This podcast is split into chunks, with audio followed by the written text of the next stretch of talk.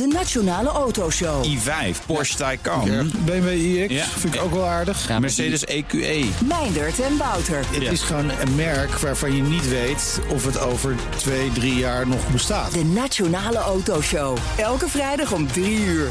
De Nationale Autoshow wordt mede mogelijk gemaakt door Van Mossel. Van Mossel, voor mobiliteit voor iedereen. We gaan naar de Oekraïne, de update. Allereerst gaan we even kijken naar wat er vannacht gebeurd is allemaal in Oekraïne en in Rusland. Is er, is er nog nieuws? Is er over en weer weer geschoten?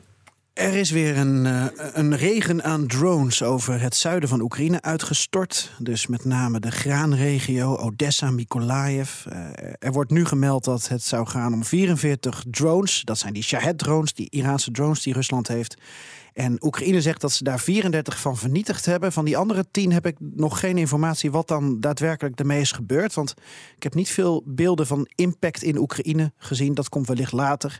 Ehm, en Rusland, eh, daar is het in de lucht relatief rustig gebleven vannacht. Oké, dan even naar het front. Wat zien we op dit moment aan ontwikkelingen? Want dat front dat speelt zich op diverse plekken af. Eh, in de buurt van Bakhmut, Ja. eh, maar ook in het zuiden, in de buurt van de Krim. Ja, we zien een heleboel claims Ja, ja. Van, van beide partijen. Oké, Eh, dat ze progressie maken. Maar ja, je kan niet allebei progressie maken. Eh, wel op verschillende plekken, maar niet overal. En Instituut voor de Study of War die baseert zich bijvoorbeeld op een heleboel Russische bloggers die aangeven dat de Russen toch in de problemen komen in het zuiden, bij Zaporizhia, bij de zogeheten Robotine Verbovenlijn. Dat is eigenlijk een plek in de richting van Tokmak, een van de eerste steden waar Oekraïne naartoe zou willen in het zuiden, maar waar ze al maanden aan werken natuurlijk dat volledig gefortificeerd is. En eh, ze zitten dus al weken te prikken daar met mijnen en ze proberen door die verdedigingslijnen heen te komen. Nu zeggen Russische bloggers, ehm, dat zeiden ze de afgelopen dagen, dat er meer panzervoertuigen zijn gezien, dat de Russen uit de loopgraven zijn geslagen en dat de Oekraïners daar oprukken. En wat, eh, wat je opvallend kan noemen, is dat veel bloggers eigenlijk de afgelopen 24 uur dan weer wat meer hun mond hebben gehouden. En wat minder aan het reageren zijn op Telegram. Wellicht omdat ze even niet weten wat ze moeten zeggen. Nee. Ehm, maar eh, ja, het blijft eh, veel gissen op dit moment, Bas, welke kant het opgaat. Wel hebben we het vaak over, nou, het najaar, dan wordt het slechte weer in Oekraïne. Het is 30 graden vandaag op sommige plekken. zo. Dan gaan we naar ontwikkelingen in Europa die met de oorlog te maken hebben. Bulgarije gaat rakettenmunitie leveren aan Oekraïne. Ja, dat heeft het eh, parlement eh, Ja. eh, bepaald. Daar is over gestemd. En dat is best een Mhm. omstreden besluit. Zelfs de president is het daar niet mee eens in Bulgarije. Bulgarije heeft toch nog wel nauwe banden met Rusland. Er zijn ook veel spionnen actief, horen we regelmatig. Er is ook angst voor Rusland. Mhm. Maar het parlement heeft toch de levering van luchtafweer en munitie ehm, ja, eh, daartoe besloten. Voor het eerst gaan er dus rechtstreeks wapens Vanuit Bulgarije. vanuit Bulgarije naar Oekraïne. Mm, En dat is eigenlijk sinds april ehm, tot stand gekomen. Omdat er toen na een vijfde verkiezing in Bulgarije in twee jaar tijd, jawel, eh, bereid je maar voor in Nederland straks, eh, is het zover gekomen dat er een regeringsmeerderheid kwam die, die hiervoor kon zijn. Nou, de- over verkiezingen gesproken. We staan aan de voorhand van de reeks verkiezingen in Europa. In de buurt van Oekraïne. Eh, de, de grote vraag is, de inzet die daar is... in hoeverre krijgt eh, eh, Oekraïne steun van die landen van binnenuit? Hè? Ja, als je kijkt naar de meest ehm, eh, de, de, de verkiezingen die echt voor de deur staan, komende zaterdag in Slowakije Ja. en over eh, Twee eh, 15, drie 16, weken. o- 16 oktober, zoiets? Ja, in Polen, 15 hè? oktober in Polen. 15 dus oktober, ja. 2,5 week.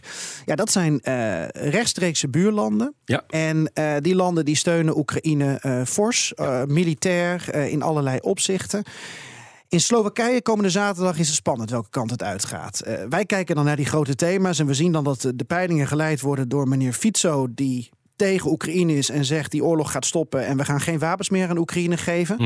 Ehm, zijn tegenstander denkt er anders over. Tegelijkertijd, eh, als je contact hebt met mensen in Slowakije, zeggen ze ja, weet je, ehm, bij ons gaat het vooral over inflatie, over de portemonnee en over of we het eh, pikken dat ehm, kandidaten voor verkiezingen eh, met elkaar ehm, overhoop liggen en rollenbollen en modder gooien.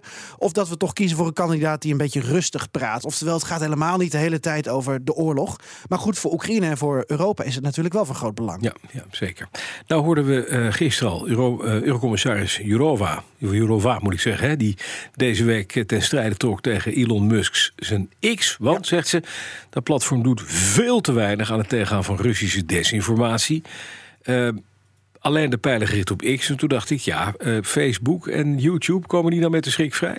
Doet niet wel goed. Nou, uh, voor zover ik het begrijp, en ik weet dat, uh, dat Ivan in ieder geval veel van de social media wereld volgt. Maar um, als je kijkt naar bijvoorbeeld Facebook en YouTube, die hebben in ieder geval de intentie om zich te houden aan Europese regels en afspraken. En mm -hmm. X onder Elon Musk niet.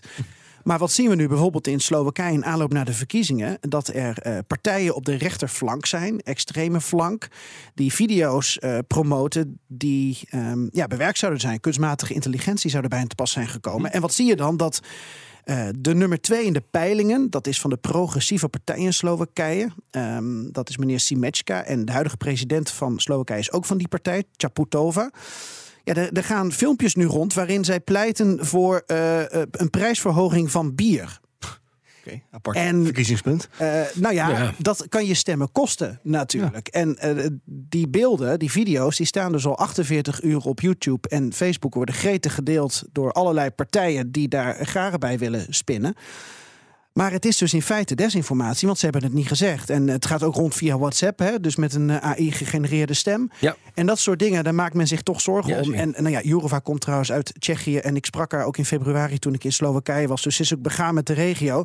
Maar het is een voorbeeld van eh, desinformatie die, ehm, die rondgaat. Eh, in hoeverre het dan door Rusland is aangestuurd, dat blijft elke keer lastig te bewijzen.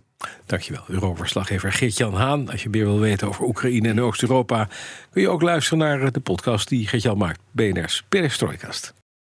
BNR Headlines. De hele dag binnen- en buitenlandse politiek. In Nederland hebben we geen munitiefabrieken. De hele dag economie. Vijf dagen in de week bezorgen, dat kan niet uit.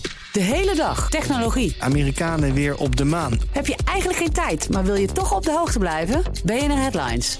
Het laatste nieuws, maar dan in het kort. Ga naar je podcast-app en abonneer je op BNR Headlines.